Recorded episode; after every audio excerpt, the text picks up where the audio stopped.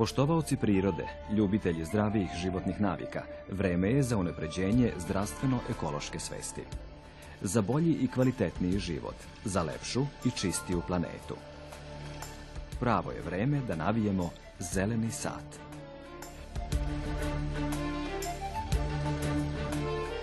U središtu ove priče je čovek koji, razvijajući svoj mikrokosmos na duhovnom, mentalnom, emotivnom i fizičkom planu, može biti bolji sebi, svojim bližnjima, svom neposrednom okruženju, kosmosu. Priroda i kosmos dobro pamte sve što čovek čini.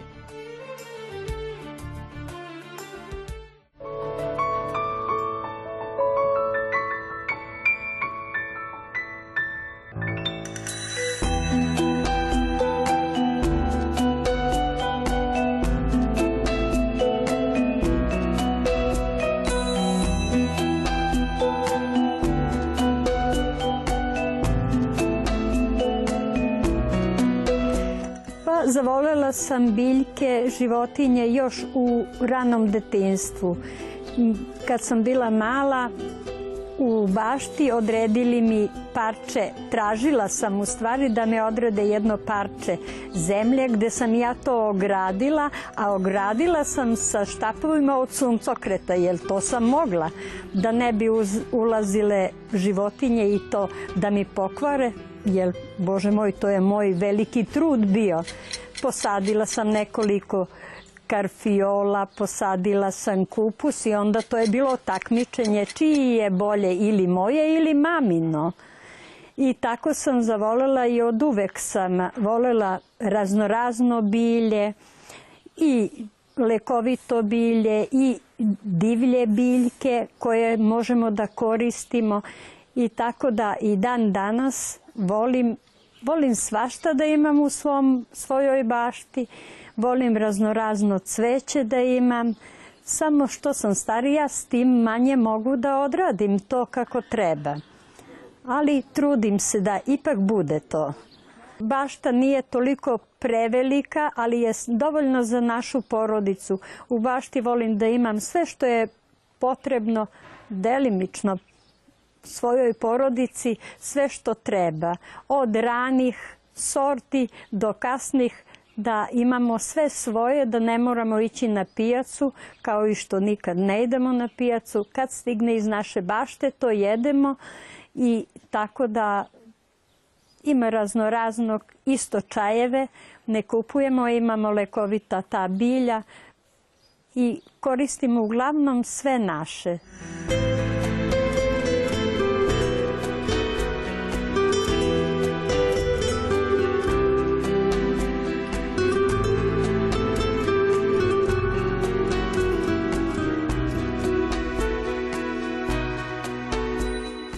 Uglavnom priprema hrane i sve već više ne pripremamo kao nekad što smo pripremali jaka, jake hrane i sve to ipak e, drugčije.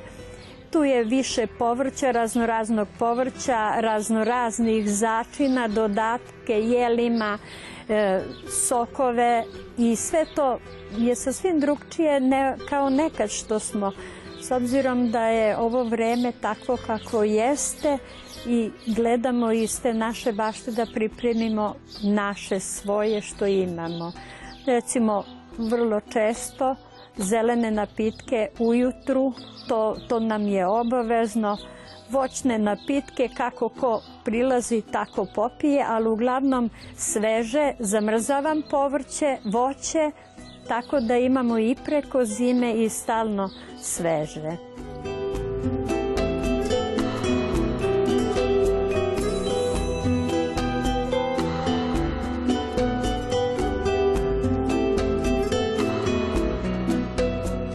Pored svog povrtnjaka gajimo i cveće koje ujedno je ukras dvorišta i volimo da imamo u dvorištu kad se prođe pored lavande, jako je lep miris. Kad se mahne rukom po ruzmarinu, isto je miris.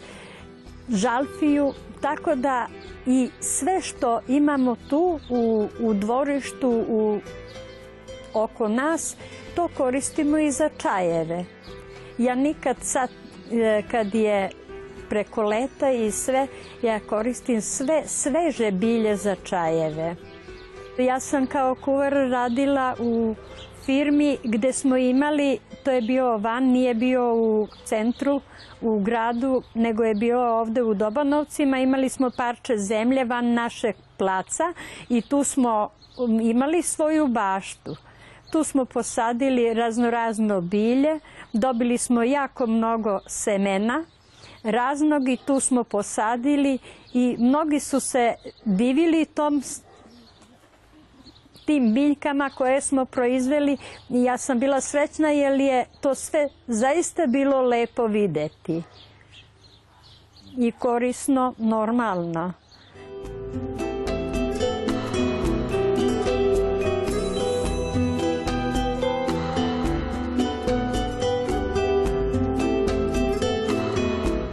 Bašta jako mnogo me opušta. Jednostavno, ja sam zadovoljna i sretna kad sam u toj bašti i kad imam najviše i bolove i u kičmi i sve, prilagodim sebe šta mogu tog dana da radim, ja tako radim.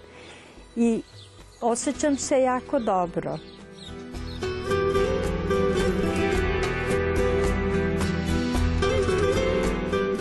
Gledamo da zaštitimo na prirodan način, a to je okolo bašte posadim neven, uglavnom neven ili kadificu i tako, a prskanje isto izbegavam, ništa ne prskam, nego natapam koprivu. Prva tri dana ta kopriva kad odstoji, ona je efikasno za insekte i sve to ubija, a posle toga ako ne iskoristim ta tri dana, onda imam kao organsko đubrivo. Koristim još zeolit, granulat od zeolita, to bacimo kad rasadim recimo papriku ili bilo šta, bacim u zemlju koju malo zatrpam, a zeolit prah to isprskam. Stavim u špric na 10 litara, tri kašike stavim i isprskam jedan put, dva puta, sve zavisi do, do godine. Sad je kišovito pa jako sunce, pa moramo češće to da uradimo i tako zaštitimo malo bilje to, koliko se može. I trava štiti. Kad se zaliva, kad je trava, ona nema veliko isparenje i manje dobija te sunčane fleke i od sunca, manje je isparenje, trava ipak zaštiti malo bilje.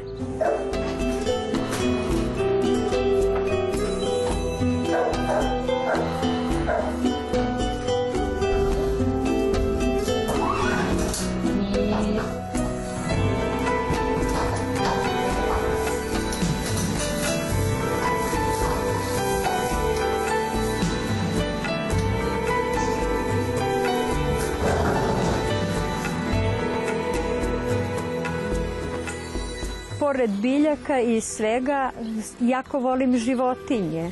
Životinje koje sad trenutno imamo, uvek imamo svinje, imam kozu koju jako volim, imam korist od nje, jako lepe osmišljavam sireve, pravim i to. Imamo konje koje, eto, ipak ih e, volim i gledam. To ne može da se opiše tako. Ipak je čovek na neki način miran i srećan kad e, tu životinju odgledaš, kad je nahraniš, kad je životinja zadovoljna, onda meni bar je tad lepo. I lepo se osjećam.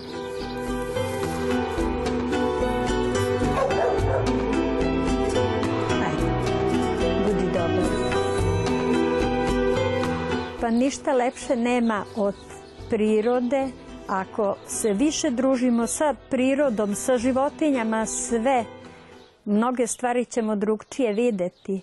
Nećemo gledati očima onim, nego drugim očima će se gledati i mnogo će lepše biti.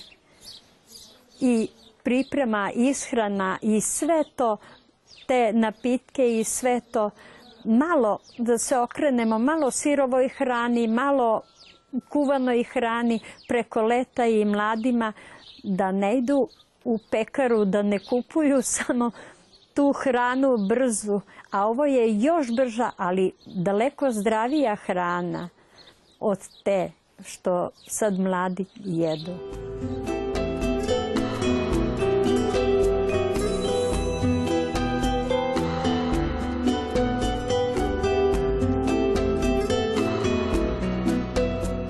Jeste to malo više rad, treba malo više raditi, ali ako radimo i krećemo se, mi ćemo biti zdraviji i lepše će nam biti, a neće toliko zagađena ni sredina biti ni ništa. Ne može, u mojoj bašti ja znam da ne može biti u potpunosti organska, ja godinama ništa, ali tu je jedni komšije, drugi, pa čak kod nas avioni mnogo idu, sve to pada na zemlju. Tako da, ali koliko možemo da se potrudimo, da bar mi svesno to ne uradimo.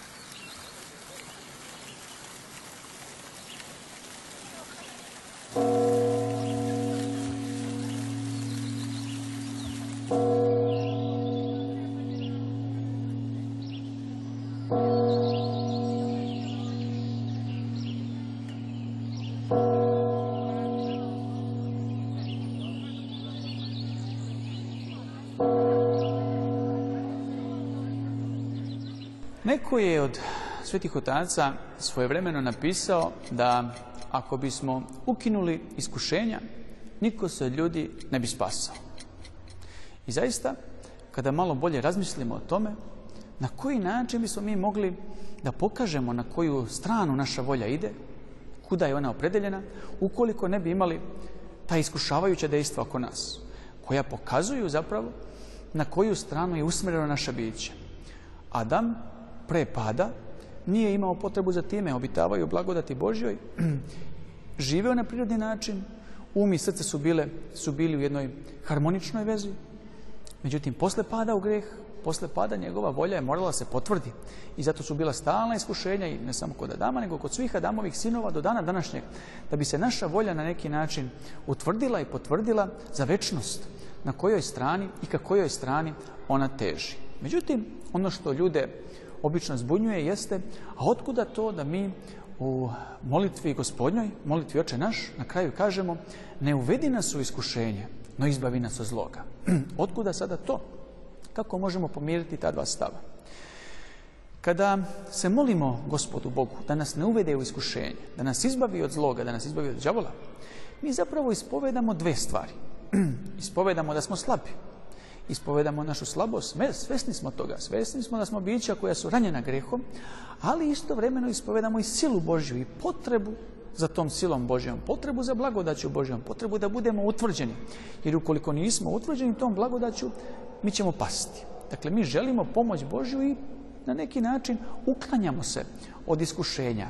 Suprotan stav koji bi bio e, frontalni, izlazak pred iskušenja, hrljenje ka iskušenjima, to bi bila gordost.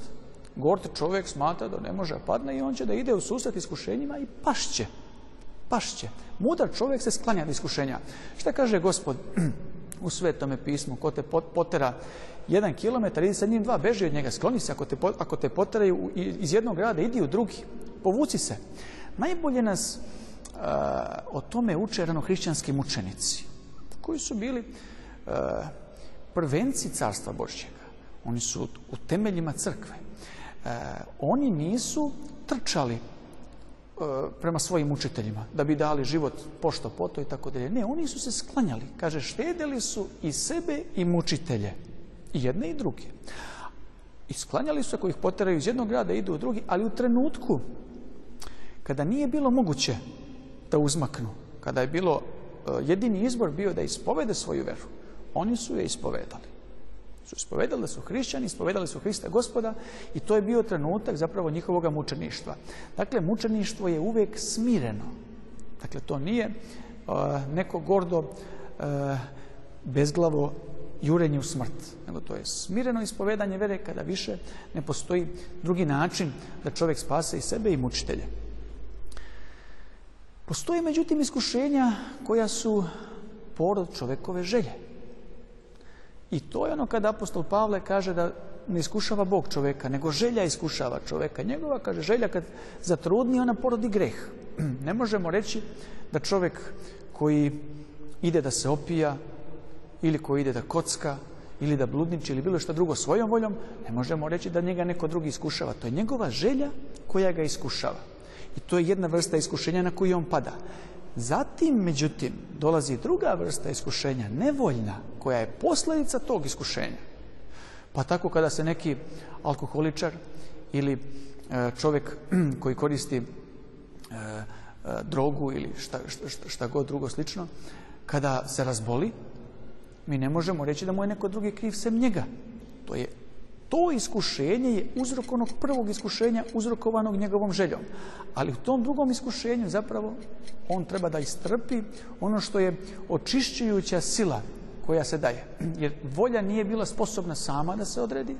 Čovjek je na neki način svoju volju da te mere uništi, da on više ne može bez tog poroka i onda dolaze e, očišćujuća iskušenja, bol, patnja, kao, kao e, rezultat takvog načina života, očišćujuće iskušenja za njega, a upozoravajuće za druge. Jer i drugi, na primjeru tih iskušenja, vide šta nije dobro i odvraćaju se od toga zla. I postoji, razume se, i treći vid iskušenja. To su iskušenja koja e, nailaze na ljude svetog života, na ljude koji su pravedni. E to su ona iskušenja po dopuštenju Božjem. Kada Bog dopusti da neki pravednik, da neki čovjek svetog života bude iskušan, da postrada, Zbog dva razloga uglavnom. Ili da bi ga očistio od najmanjih mogućih grehova koji su se možda našli u njegovoj duši, koje on to i zaboravio, možda iz rane mladosti, ili da bi ga proslavio još više, da bi ga uzveličao, da kao kada zlato provučemo kroz oganj, ono sa njega otpadne one najmanje čestice preljavštine. Na taj način, jeli, ta iskušenja služe da proslave ovaj tog čoveka pred gospodom.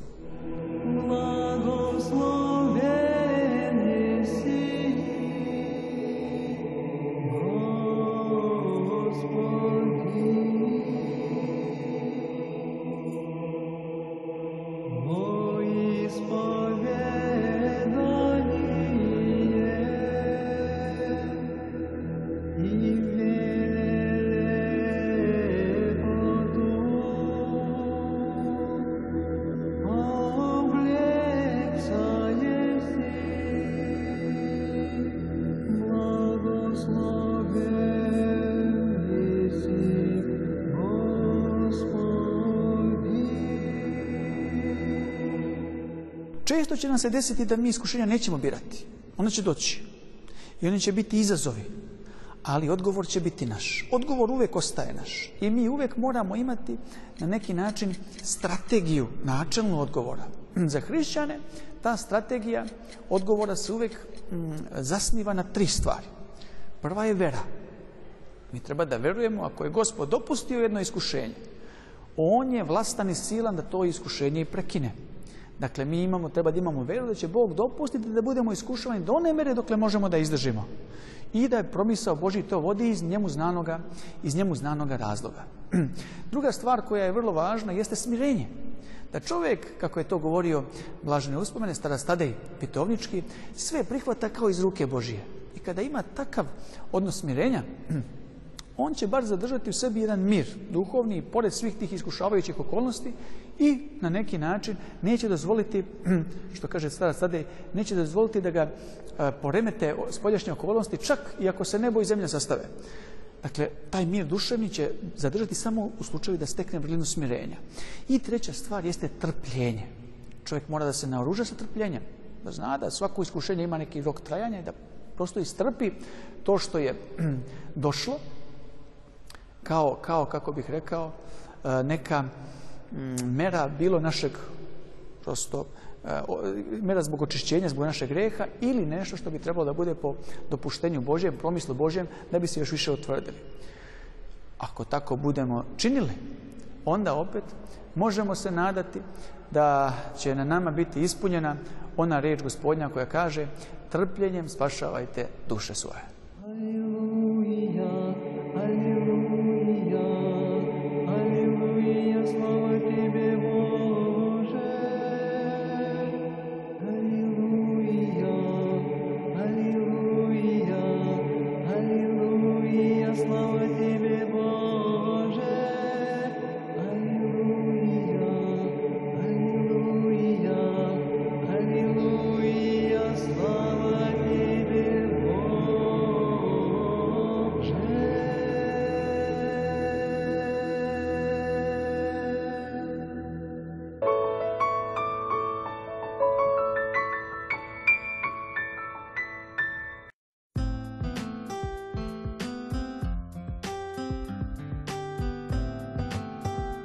Tikvice su povrće koje je odavno zastupljeno u svetskim kuhinjama upravo iz razloga što je zanimljive teksture i prijatnog ukusa. Izvor je korisnih e, substanci, naime vitamina C, folne kiseline, kalijuma, magnezijuma i mnogih drugih, biljnih vlakana takođe, što doprinosi da tikvice jako dobro e, kontrolišu nivo šećera u krvi, mogu se jesti gotovo bez ograničenja, pa se preporučuju dijabetičarima, ljudima koji su skloni hipoglikemiji i onima koji žele da smanje svoju telesnu težinu.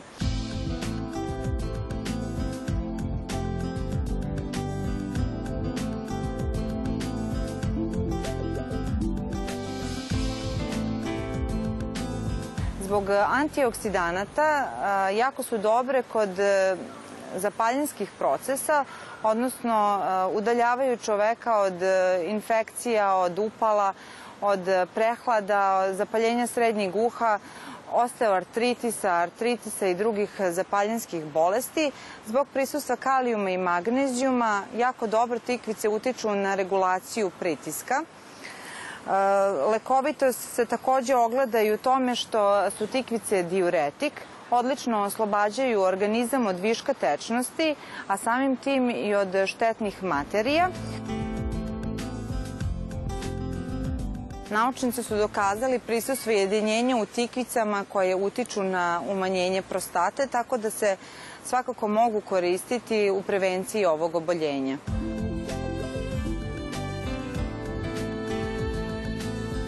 Tikvice su takođe jako bogate biljnim vlaknima i rasvornim i nerastvornim. Rasvorna biljna vlakna utiču na smanjenje štetnog holesterola, a nerastvorna jako dobro utiču na probavu, čime se sprečavaju i bolesti gastrointestinalnog sistema.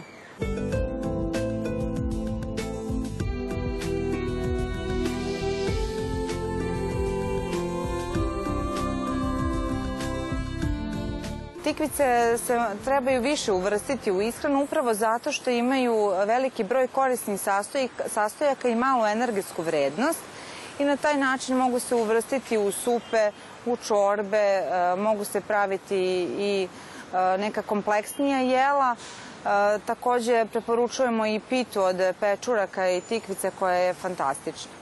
Tikvice se takođe mogu jesti i u sirovom stanju i dodati kao salata u neku drugu salatu sa ostalim sastojcima, a može da se jede i posebno. Znači može da se pravi, prave rezanci, da budu kolutići, a može se kratko izgrilovati pa sa maslinovim uljem uvrstiti u vrlo ukusnu salatu.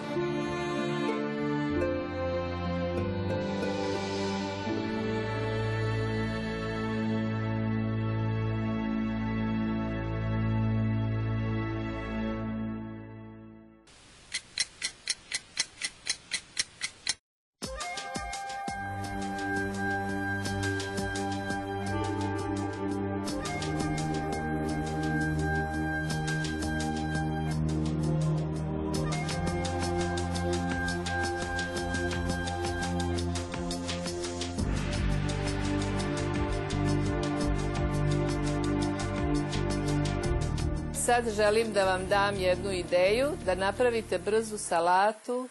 Ako nemate nešto drugo za salatu, dobro došle tikvice, one su jako zdrave i možemo ih vrlo brzo napraviti kao salatu. Ovo su domaće tikvice, nisu prskane, ništa nemojte da pršćete, to je otrov.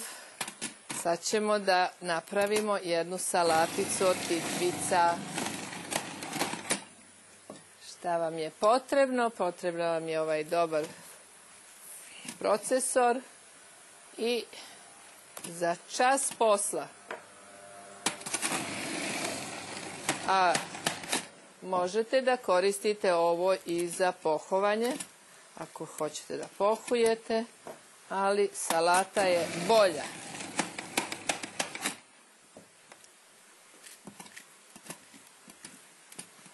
Ga. Ovo će biti dovoljno za danas.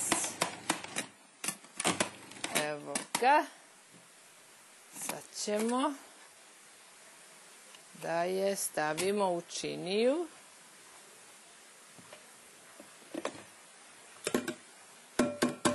Ne treba kašika.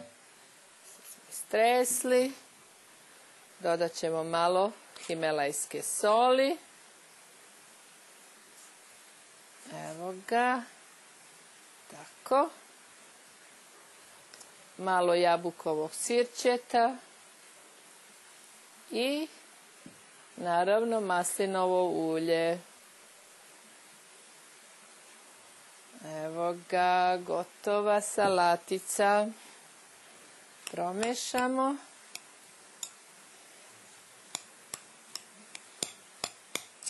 I možemo da se služimo. Pošto su tikvice mlade i lepe, može i korica da se samelje zajedno sa ovim, tako da to je sve zdravo i korisno.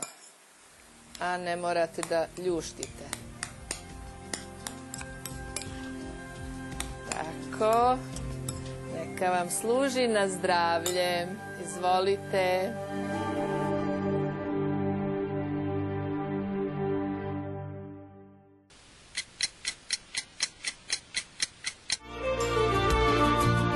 Ne zaboravimo da smo planetu Zemlju nasledili od predaka, a pozajmili od potomaka. Čuvajmo je živeće u skladu sa prirodom. Ne zaboravimo da su prirodnost, smirenost, iskrenost, skromnost, zahvalnost i dobrota vrline, ali ne budimo skromni u ljubavi, razumevanju, praštanju, humanosti, znanju, kreativnosti. Pokrenimo se, postanimo bolja verzija sebe. Ne zaboravimo da istinska lepota uvek dolazi iznutra i ne postoji bolja kozmetika od sreće, a sreća i radost su stanje duha, sada i ovde. I nikako ih ne bi trebalo dovoditi u vezu sa materijalnim okolnostima. Ne bujmo svoju autentičnost slaveći život, ma gde bili pod kapom nebeskom. Ne zaboravimo da genetska predisponiranost, način života kao i okruženje u kojem živimo svakako utiču na naše zdravlje. Ono je bogatstvo koje po pravilu ne cenimo sve dok ne počnemo da ga gubimo. Na njega možemo uticati svojim dobrim i lošim navikama. Kako ćemo živeti, izbor je na nama. I naravno, ne zaboravimo da redovno navijamo zeleni sat.